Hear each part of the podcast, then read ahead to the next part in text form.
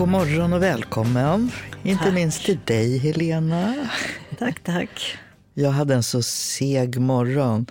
Jag visste att jag skulle gå upp jättetidigt idag och då har jag så svårt att somna. Mm.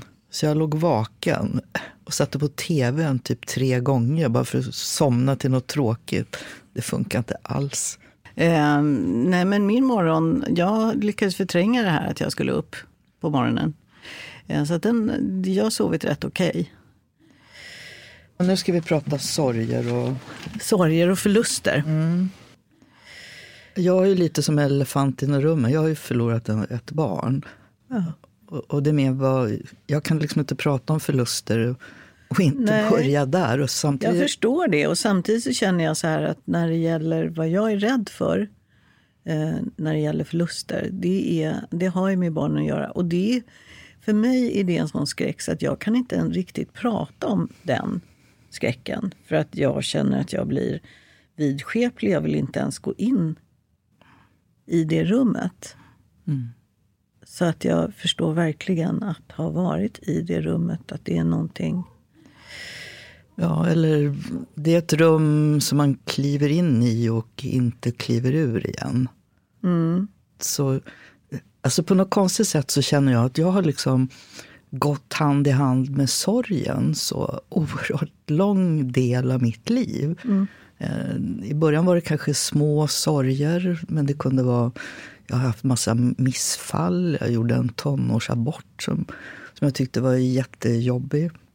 Mm. Eh, men sen också att, att förlora ett barn, det är... På något konstigt sätt så är det en del av mig. Eh, jag brukar försöka jämföra med om man, att man har ett som ett blåmärke. Mm. Så, som man hela tiden vill gå och trycka på. Därför att sorgen bottnar ju i en sån otrolig kärlek. Men också en kärlek till livet. Varför är jag så oerhört ledsen över att Johan inte fick leva det liv som jag efter hans död kom att uppskatta så ännu mycket mer. Men hur känner du inför att berätta? Vad var det som hände? Ja, men jag, jag tycker om att berätta också därför att en liten bisak då att några veckor innan Johan dog så var det en stor artikel i en av kvällstidningarna om en familj som hade förlorat ett barn. Och jag läste och läste den artikeln och tänkte, nej, det där, man, kan inte, man kan inte genomleva det.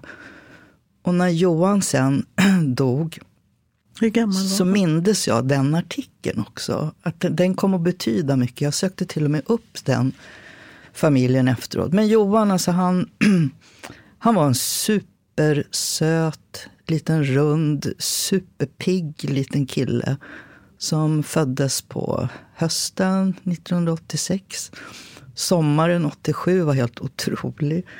Underbar sommar. Han älskade att gunga. Han älskade att äta sura citroner och gjorde så roliga miner. Han var helt enkelt så fruktansvärt glad och frisk och pigg. Och sen så skulle vi börja jobba på hösten och han började på dagis. Och efter några dagar så blev han förkyld. Ja, det blir ju många barn när de börjar på dagis och mm. träffar en massa. Så när det blev helg sen så skulle vi åka iväg och hälsa på några. Och i bilen, när han sitter i barnstolen i framsätet, vänt mot mig som satt i baksätet, så ser jag plötsligt hur han, han blir så konstig färg. Han börjar andas väldigt ytligt och läpparna blev blå. Alltså det här gick på, på några sekunder. Så vi bara kör. Och vi var ganska nära Södertälje, så vi åkte liksom i vrålfart till, till sjukhuset i Södertälje. Och på några, bara få minuter så fann vi oss instoppade i en ambulans. Bosse fick följa efter med barnen. Och det var liksom blåljus och sirener iväg till Huddinge sjukhus. Och jag satt i framsätet, jag fick inte sitta bak med honom. Och han, jag hörde han grät och då sa chauffören så här, ja men det är ett bra tecken att han gråter. Alltså jag förstod ingenting. Så vi hann ju inte mer än komma fram till Huddinge och var inne i akutrummet. Då, då Bosse jag, vi ser ju att han dör. Och, och vi blir ivägkörda så här ut Jag förstod att de jobbade på honom då. Ja. Så det visade sen efteråt att han hade en väldigt ovanlig sjukdom som gjorde att hans hjärta växte för fort, för mycket. Så han kanske hade kunnat bli, vad vet jag, tre år, sju år. Han var hela tiden döende, det lilla år som han fick. Och jag är så tacksam över att vi inte visste det. Ja. Hans liv som bara blev ett år var ett fruktansvärt roligt, vackert, häftigt, busigt år. Men det ändrade också ja, mitt sätt att tänka. Innan dess var jag livrädd för döden. Jag tänkte på döden hela tiden. Det gör jag inte längre. Nej. Jag är inte rädd för döden. jag tror inte på Gud, jag tror inte på ett liv efter detta. Men på något vis, när man dör, var man än finns, hur man än finns, så har han passerat den vägen. Så vad ska jag vara rädd för? Mm. Kan Förstår du tänka, du? Kan du tänka, du har inga sådana här tankar om att någonstans finns någonting, något väsen, någonting som du den dagen du dör kan återförenas med? Eller på vilket sätt finns han kvar? Ehm, det är ju snarare alltså i det här, om man kan, kan man kalla det ett kollektivt minne. Alla som har träffat en person bär ju med sig genom minnen en del av honom. Jag ska se om jag kan förklara det här i radio. Eh, Johan älskade när han hade bajsat att man skulle ställa honom i badkaret. Och sen tog man eh, duschen och duschade honom. Och då la jag alltid min haka på hans axel och lutade min kind mot hans kind. Och då fnittrade han. Och det där sitter i mig. Mm. Och i de mest märkliga situationer, så om jag ser bara någon som byter blöja så, så är jag där. Och jag känner hans kind. Så det är mitt enda sätt att tänka på livet efter detta. Att han finns ju mm. med mig. Eftersom jag rent fysiskt känner honom än idag. Och det tror jag är livet efter detta. Du förnimmer honom? Jag förnimmer honom. Och genom mig så förnimmer också mina barn och du som nu lyssnar på min berättelse. Att vi förnimmer varann. Det är livet efter detta för mig. Mm. Ja, det, det är så... Jag bara tänker på den här skräcken, att det händer någonting med ens barn. Och att det hände dig.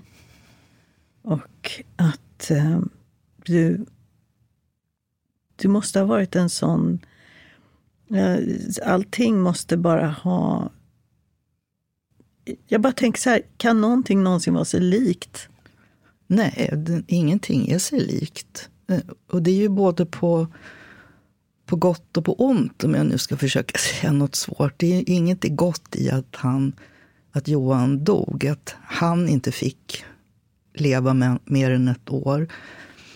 Men jag har blivit mer observant på, på små saker. Jag kan gå ut och känna dofter på ett sätt som jag inte kunde innan. Jag kan betrakta en sluttning i skogen och se myrorna och smådjuren krypa. Det, det är någonting med den här sorgen, med det här blåmärket som jag känner som har öppnat också andra sinnen i mig. Som jag i alla fall kopplar till den här... Det går inte att beskriva att förlora sitt barn på något annat sätt än att det ruskar om precis allt i dig.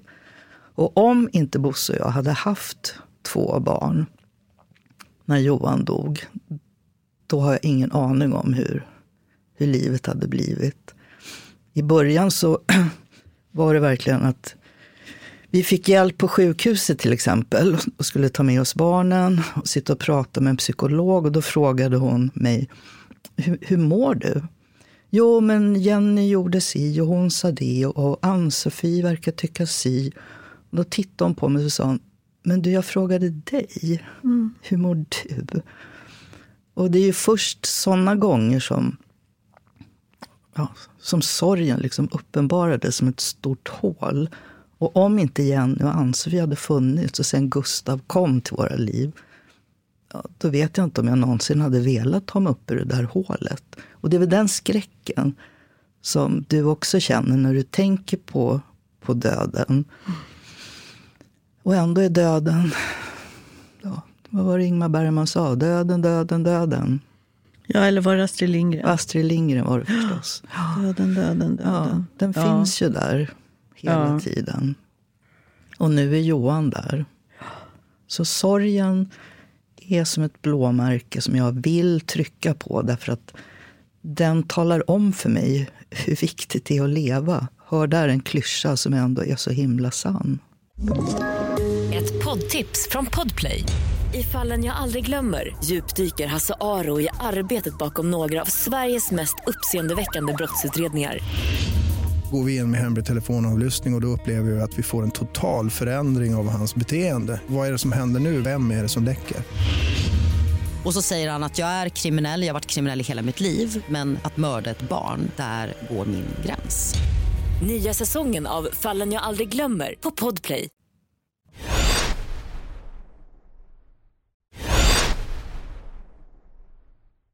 Vissa saker minns jag som om de hände igår och andra tidsaxlar är bara liksom en, en röra som jag inte fortfarande idag har det absolut svåraste och värsta var, jag tror alla förstår, fast jag har så svårt att säga det. Bredvid Johans säng i lägenheten så fanns det en liten spegel. Och han älskade att ta på den där spegeln och skratta. Så när vi kom hem utan honom så var det första man såg var ju hans små handavtryck och fingeravtryck på den där lilla spegeln. Och det tog, det tog, jag tror det tog ett eller två år innan jag ja, torkade. Då var det bara damm. Så det är ju liksom, ibland är det så påtagligt det där livet som fanns. Var- Hela lägenheten var ju fullt av, av honom. Så om jag ska säga något ännu konstigare, det är att exakt på dagen ett år efter att Johan dog så, så var det någonting som... Jag tänkte inte ens på att det var den dagen. Jag tänkte alltid på hans födelsedag. Men det var en dag som plötsligt bara någonting hände inne i, i min kropp. Någon slags... Någonting som bara... Axlarna åkte ner och andningen var lite lättare. Och det kom Bosse och jag på dagen efter. att men gud, Det var ju precis då Johan dog. Människor förr i världen, det här med att man passerar en första jul, en första sommar, en första... Någonting händer efter ett år. När ett liv liksom i naturen har gått och nästa börjar så markerade det på något sätt också att vi fortsatte. Men... eh, Kändes det som att er sorg var gemensam? Eller, känd, eller var, är man ensam? Vi hade i alla fall, Bosse och jag och Jenny och Ann-Sofie, det var verkligen, det var vi. Vi pratade väldigt mycket. Och de pratade väldigt mycket om vem är död och varför är man död. Och, och Jenny, min kloka lilla dotter, hon, hon sa det som jag absolut bär med mig än idag. För hon, hon sa så här, mamma, varför blev Johan gammal så fort? Och det är klart, så, så där hade man ju pratat om döden innan. Att man lever och sen när man är gammal så dör man. Och ändå var det något så klokt i den där meningen. Som att vissa av oss får ett liv som är 40 år, andra som är 80 år. Han fick ett år, men det var, det var hans liv. Det finns en sån vacker klokskap, tycker jag, i hur, hur barn ofta betraktar det. Och, eh, och hur bortskämd sen Gustav blev när han kom efter. Det var ju också som ett bevis på att livet finns. Mm. Mm. Var du, var du väldigt så här ängslig med Gustav att samma sak skulle hända igen? Ja, men nu blir jag jättepersonlig igen. Orkar jag det? Jag prövar. Eh, när jag blev gravid efter att Johan hade dött så fick jag missfall. Det hålet jag trillade ner i då var hårt och kantigt och hemskt. Det var verkligen som, jaha, någonting försvann. Jag kommer aldrig mer att... Jag längtade så efter att få, få känna liv i mig igen.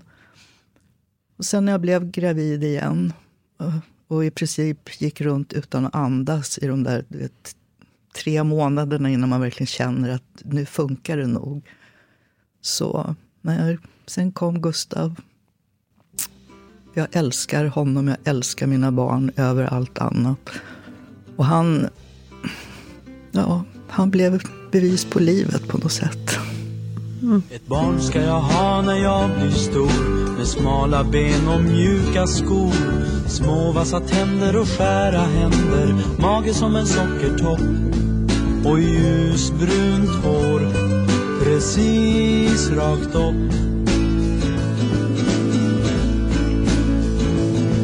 Och jag ska köpa saker varje dag. Så många som mitt lilla barn vill ha. Och skrika ska mitt lilla barn få göra. För skrik tycker jag om att höra. Och bråka hela dagarna. Skrämma kor i hagarna. Men ska jag säga akta dig för eld och djupa vatten. Spring aldrig, aldrig bort från mig. Hur många barn har du? Ja, då svarar jag ju om jag ska vara ärlig, fyra. Mm. Men samtidigt kanske jag inte vill berätta för alla. Så varje gång någon frågar mig om det så tänker jag en lång stund och tänker själv på, när jag möter människor jag inte känner, att vem bär med sig vad? Och hur visar man nyfikenhet inför en annan människa utan att trampa in på saker? Det... Så jag har fyra barn. Om jag ska vara ärlig. Vad har det gjort tänk, med dig att just ha varit med om att att ha drabbats av det värsta? Alltså det, det är inte helt lätt att säga. Det, att han fanns och att han försvann fysiskt men fortfarande finns kvar. Allt det här är liksom en del av vem, vem jag är. Eh, och jag tror att jag har blivit mycket mer känslig på ett bra sätt. Men också lite krass sådär att ja, man vet aldrig vad som händer. För det vet vi inte. Och samtidigt så har jag också tänkt ibland att sorgen över Johan ibland är, blev väldigt egoistisk. Alltså att jag gick runt och kände att det var, det var mig det var synd om, för jag hade förlorat en son. Men det var ju hans liv. Det var ju han som förlorade livet. Det var därför Jennys lilla påminnelse om att han blev gammal så fort eh, betydde rätt mycket. Hur andra bemötte oss var... alltså det är ju inte lätt att bemöta en familj som har förlorat ett barn. Det var inte lätt för barnen. Vi pratade mycket, och det vill jag berömma, dagispersonalen och skollärarna till Ann-Sofie och Jenny hur de bemötte dem var helt fantastiskt. Det var inte själv att man orkade riktigt allt. Eh, jag tyckte det var jättejobbigt första veckorna för då folk överallt, alla möjliga människor skickade ju blommor. Det luktade ju som en begravningsbyrå hemma. Det var, det var fruktansvärt. Vi stod och kastade ut blommor och försökte behålla de där korten. Men annars så blev ju som alltid vid kriser att det blev väldigt tyst. Folk var jätteoroliga. Vad, vad ska vi säga? Hur säger man ska vi gå och åka dit? Ska vi ringa? Vill de prata? Vill de inte prata? Så jag var så glad då över de få som, som du, bara kom. Du ville prata? Det trodde jag inte. Jag trodde jag ville bara stänga dörren, kasta ut blommorna och bara sitta. Men de där få som trängde sig på och framför allt de hyfsat nära som plötsligt sa jag har också förlorat ett barn. Det, det visste inte jag. Och då blev ju de ännu viktigare. Det var som att man hakar fast i den sista lilla ljusstrimman. Men hur, hur, hur klarade ni er? Vad gjorde ni? Hur, hur, hur känns det idag? Hur var det i början? Det betydde jättemycket. Så jag har verkligen försökt vara likadan när jag har människor i min omgivning eller nära krets eller lång krets ifrån som råkar ut för sorg. Att då försöker jag åka dit och säga jag vet hur det är. Vill ni prata? Mm. När du tänkte så här att du ville prata, vad, vad, sökte du i de samtalen? Var det en sån här gemenskap eller någonting att man eh, någon kan berätta att det finns en väg ut? Ja, framförallt det, att det finns en väg ut. Gå,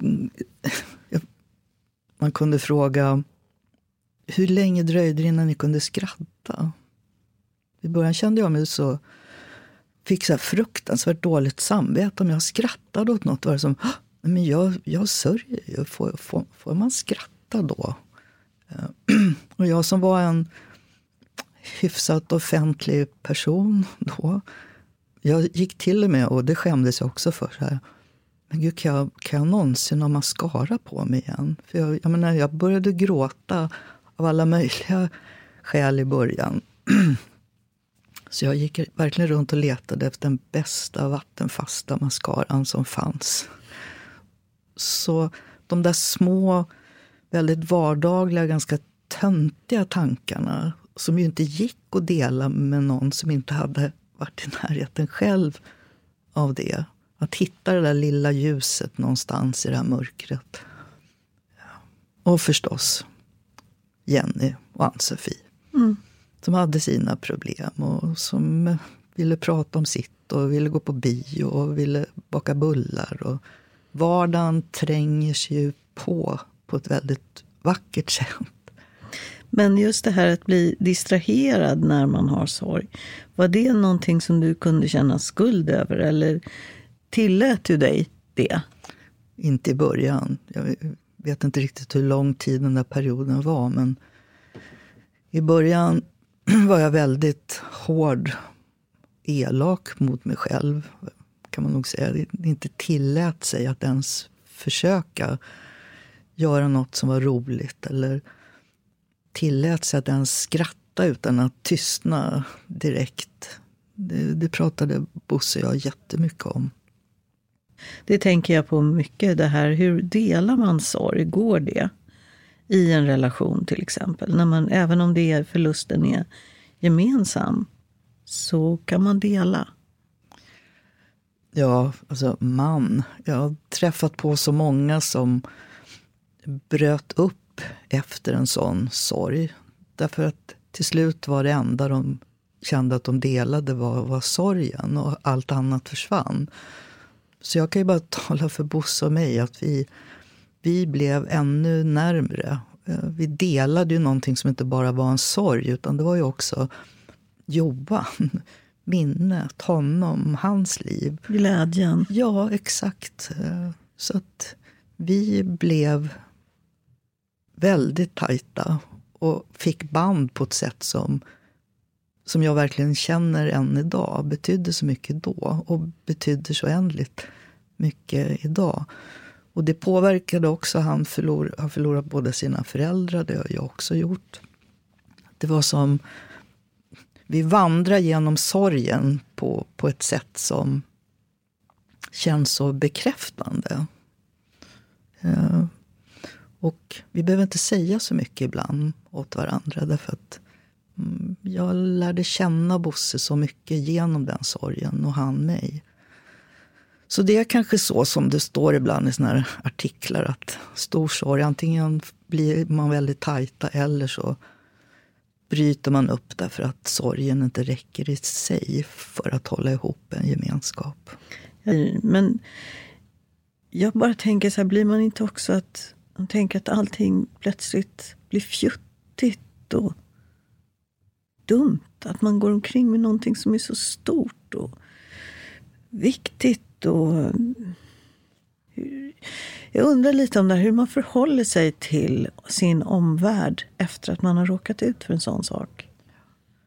Men å, återigen, det här är ju, det här är ju min, ja. min bild. Mm. Eh, och det året som jag fick med Johan var ju fullt av underbara fjuttigheter. Det var det där att torka bajset i badkaret. Det var hans hysteriska fnissande när han fick bita i en citron. Alltså, livet var fullt av fjuttigheter. Det var ju de som försvann. Så jag, jag ser fjuttigheter som minnen. Så jag vandrar ju inte fortsättningsvis på jorden bara liksom med den stora döden inombords och tycker att inget annat är viktigt. Utan för mig blev det liksom tvärtom. Mm. Det var det lilla. Det, förment lilla. Livet består av en massa små steg, små fjuttigheter. Du känner att du snarare fick en skärpt blick ja, för det? Jag fick en skärpt blick både för mig själv men också när jag blickar på, på annat. Men fjuttigheterna, jag hyllar fjuttigheterna. Jag hyllar det, därför att det är det som är livet och minnet. Det stora är fjuttigheter. Mm. Jag tänker också, det, det känns som att man blir så här, jag kan känna att rädd, att, rädd för att vad jag än säger så låter det så banalt på något Nej, sätt. Nej, kom igen nu. Men eh, jag tänker att om man kan det finnas någon sorts... Eh, att det går att hitta mod i att det värsta har hänt? Lite så. I, i, alltså en halsbrytande jämförelse nu. Jag vågar knappt försöka uttrycka den. Men det har hänt ett antal gånger i politiken. Oavsett om det har varit choklad eller räkningar. Det har varit skandaler. Det har varit um, media, drev. Då har det ju hänt att folk har sagt Nej men stackars dig, det här måste vara det värsta som har hänt. Och då kan jag le inombords och säga nej. Ja, men tänk om du måste avgå. Ja, det är inte det värsta. Så på det viset så uppstår det kanske ett, ett mod. I alla fall en mindre rädsla. Fanns det en, en eh, aggressivitet? Att du kände, vad i helvete skulle vi behöva drabbas av det här? Aldrig en sekund har jag känt det. Och det, det är klart det måste ha att göra delvis om hur denna död hade uppkommit. Om han hade blivit ihjälkörd av en rattfyllerist kan jag verkligen tänka mig att ilskan blir en följeslagare som är svår att bli av med. Så var det inte för oss. Hans hjärta var för stort. Ja, exakt. Hans hjärta var för stort.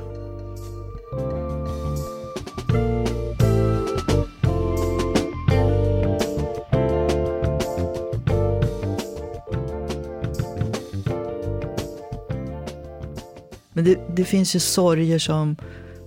Man, man kan ju inte gradera sorger egentligen. Nej, det brukar ju sägas så. Man kan inte gradera, man kan inte jämföra sorger. Nej, men alla, du har väl också mött eh, Anna, ja, sorger eller förluster eller eh, saker som har påverkat ditt inre sinne för vad som är stort och vad som är viktigt? Nej, jag var tre år när mina föräldrar skildes. Och eh, förlorade ju min pappa då, kan man säga. Och det var ju min, det är ju min stora förlust i livet. Eh, som barn. Och eh, ibland tänker jag att det där påverkar mig fortfarande. Det kan kännas lite eh, genant. Jag är, herregud, vad är jag, 64 år? Då, då ska man inte hålla på och liksom vara ett barn. Men kände du att din pappa lämnade dig? Att, att det var din förlust? Ja, jag tror att det var så. Ja, absolut. Och att det är någonting, jag tror att förluster rent generellt är det värsta man kan råka ut för som människa. Jag tror att det, det är därför människor slår ihjäl varandra i skilsmässa. Att det är ett sånt otroligt känsligt läge. Men också att förlust är, det är så genomgripande att du måste hantera den. Mm. Så därför tror jag också att förluster är det också som gör att vi växer eller vi blir annorlunda. Vi förhåller oss till någonting. Um, inte så att man längtar efter en förlust, men man måste hantera den. Och det påverkar en väldigt mycket. Även en liten treåring tror jag känner ja. förlust. Ja, då tror jag verkligen att det kan vara förödande. Men jag kan tycka även nu att i, i vuxen ålder så tänker jag att det är någonting så, man är van, jag är van vid att saker och ting går att göra någonting åt.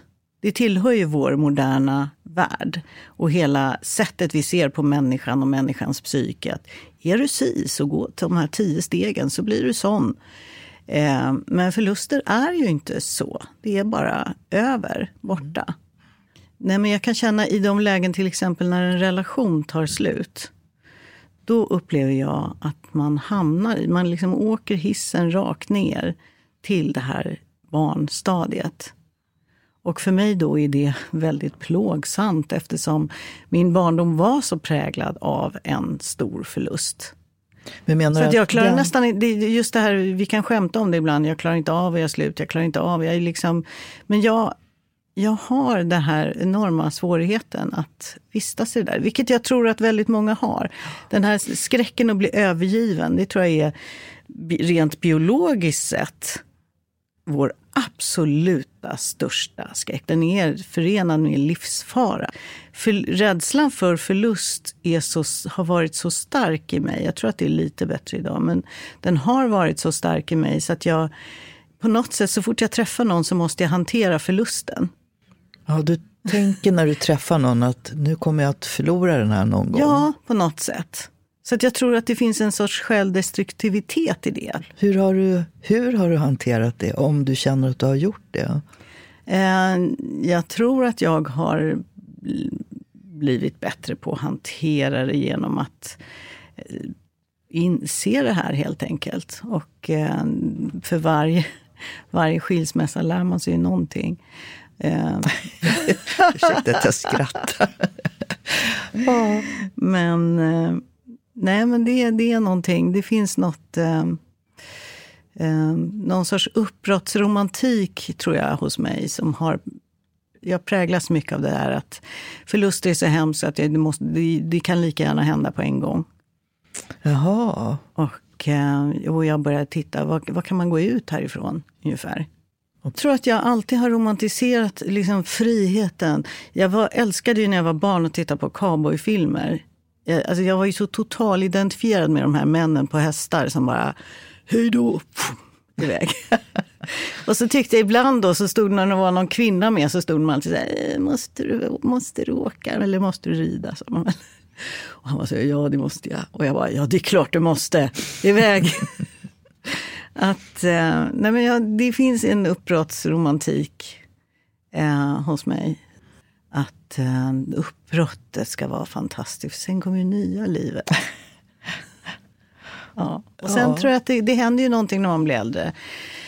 Att eh, man, man inser ju att det här nya livet, ja, det påminner på något sätt om, om det gamla livet. Och jag tror att en människa är... Det finns en ursprungsidé som jag har i huvudet om just vad som gör en människa mest tillfreds eller lycklig. Och det är just om man kan hantera den där känslan av självbestämmande, att man är den man är och känner att man får vara den man är. Alltså den typen av autonomi, eller vad man ska säga. Och sen å andra sidan, att vara eh, nära någon och riskera att vara sårbar och verkligen eh, ja, vara beroende helt enkelt. Att få ihop de här otroligt eh, liksom, motstridiga krafterna som jag tror att man består av. Man vill ju ha båda egentligen.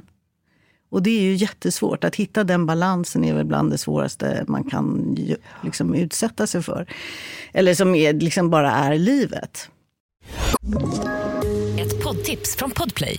I podden Något Kaiko garanterar östgötarna Brutti och jag, Davva, dig en stor dos skratt.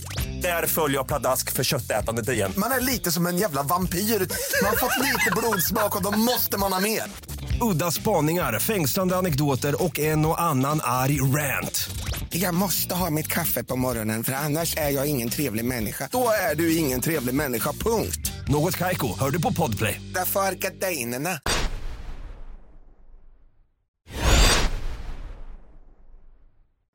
Är du äldsta barnet? Näst äldst. näst äldst? För jag kommer ihåg den där lilla ilningen av obehag när både mamma och pappa var borta. Och jag är ju äldst i syskonskaran. Och jag fyller 66 i år. Och mamma var 72 när hon dog. Man tänker, men gud, jag är äldst. Och var mamma verkligen bara, var hon, var hon så ung när hon dog? Det är konstigt med tiden. Det är väldigt konstigt. Min mamma dog i somras när jag då 63. Och då tänkte jag också så här, herregud, nu är jag föräldralös. Det finns, jag är ytterst på grenen, så att säga. Eh, och eh, det är ju omtumlande. Fast det är inte så omtumlande som jag trodde. Nej. Hur då? Nej, jag tänker att eh, ja, nu är det jag som är liksom ytterst här i ledet. Eh, och ja, då är jag det. Jag tror att det har säkert betydelse, eh, någon sorts betydelse som jag inte riktigt kommer åt. Det känns ju sådär, om, man har, om ens förälder dör som är väldigt, väldigt gammal och varit sjuk väldigt, väldigt länge. Och eh, då kan det ju kännas på många sätt som en befrielse och att man har tagit ut det redan i små portioner. Det har liksom, man klarar av det bit för bit för bit för bit och till slut blir det bara en typ av bekräftelse nästan på någonting man har vetat ett tag. Att det här är vad som, det, det här är vad som kommer hända. Och eh, när en människa dessutom är så pass gammal som Irma, hon var över, en bra bit över 90, då, då kan man inte känna, då är liksom, det är ju samtidigt en eh, seger. Att man fick vara med så länge. Ja. Det är någonting som, man måste kunna se det på det sättet också. Det kan jag tycka om man går på begravning med väldigt gamla människor som har dött. Att det, är inte, det är vemodigt. Men det är svårt att tänka på som sorgligt egentligen. Utan det är en triumf över livet. Jag fick vara med länge, tack och hej.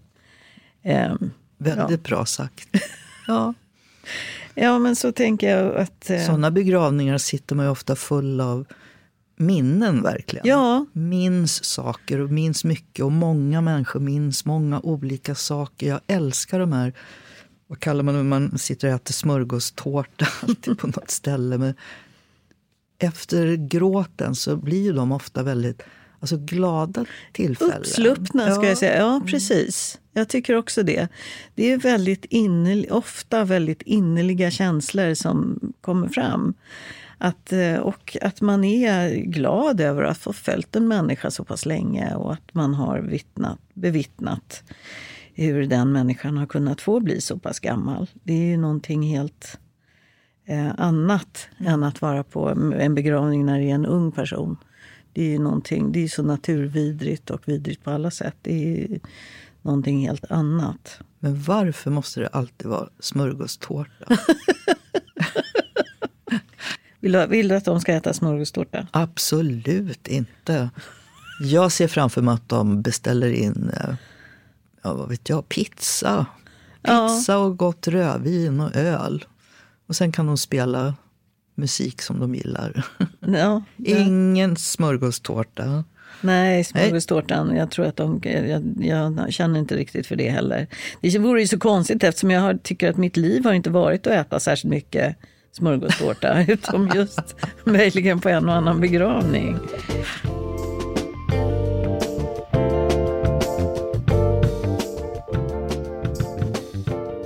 Jag hörde någonstans att en människa är avnavlad från sina föräldrar vid 33 års ålder. Så om man ska göra någon sån statistik eller liksom någon sån generell eh, bild. Att när man är 33, då har människor i allmänhet känner man att nu står jag på min egen vuxna plats i livet. Jag är inte längre beroende av mina föräldrar. Jag har liksom tagit klivet. Eh, och då har jag...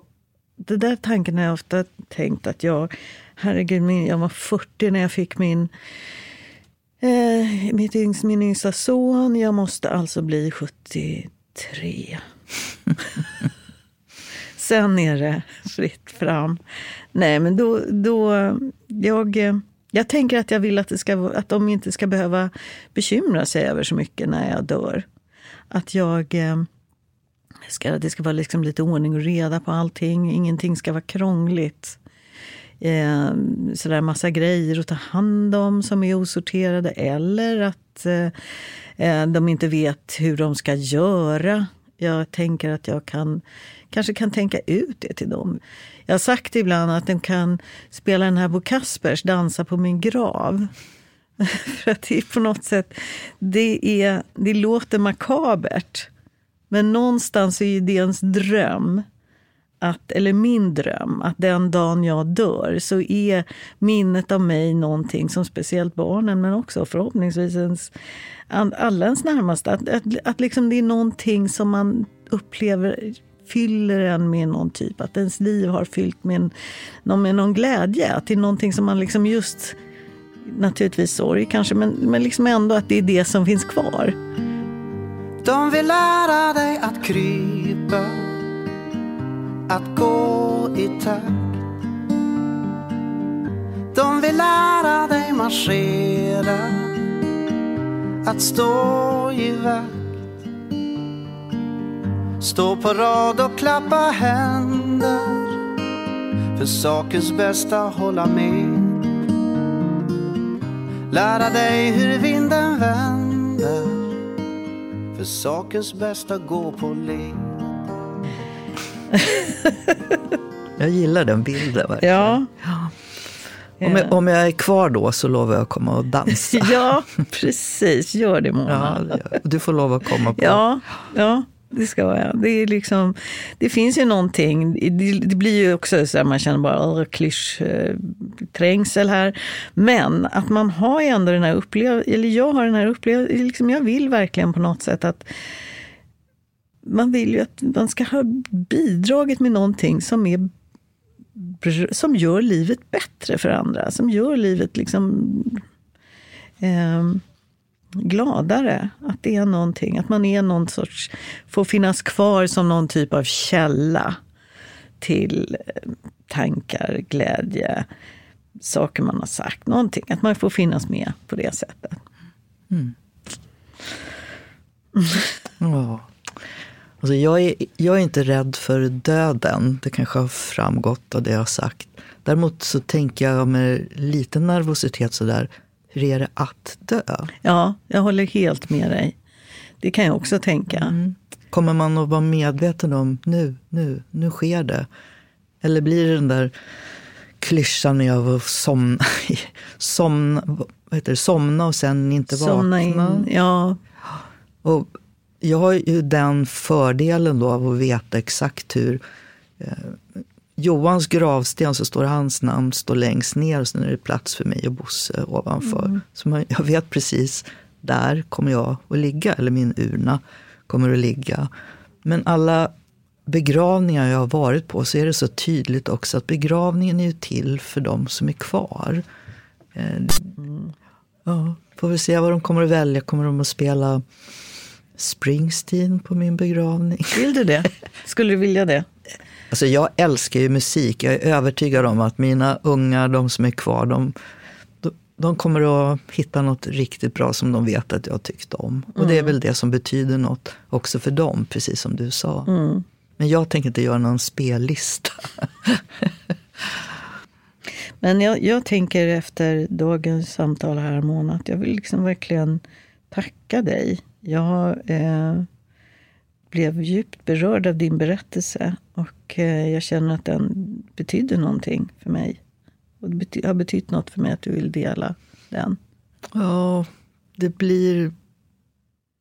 Det betyder mycket för mig att du sa det. Och jag tittade verkligen på dig när jag berättade. För även om det var så många decennier sedan så betyder det fortfarande oändligt mycket att säga de här orden. Och att tänka på att döden och livet, klyscha, klyscha, men som Krunegård skrev en gång att, att alla klyschor stämmer, stämmer. Mm. Så tack för att du lyssnade som du gjorde. Ja, men jag tänker alltid också, du pratar om fjuttigheter, så tänker jag på den här lilla handens avtryck på spegeln. Så tänker jag, liksom, det blev bilden som jag tog med mig. Mm. Ja, då var det en fin bild att ta med sig. Mm. Hej då. Hej då.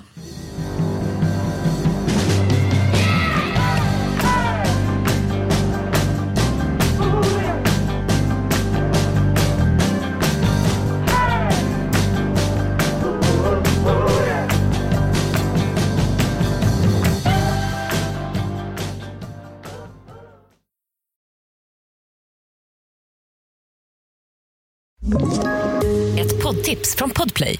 I podden Något Kaiko garanterar östgötarna Brutti och jag, Davva, dig en stor dos skratt. Där följer jag pladask för köttätandet igen. Man är lite som en jävla vampyr. Man har fått lite blodsmak och då måste man ha mer. Udda spaningar, fängslande anekdoter och en och annan arg rant. Jag måste ha mitt kaffe på morgonen för annars är jag ingen trevlig människa. Då är du ingen trevlig människa, punkt. Något Kaiko, hör du på Podplay. Därför är gardinerna.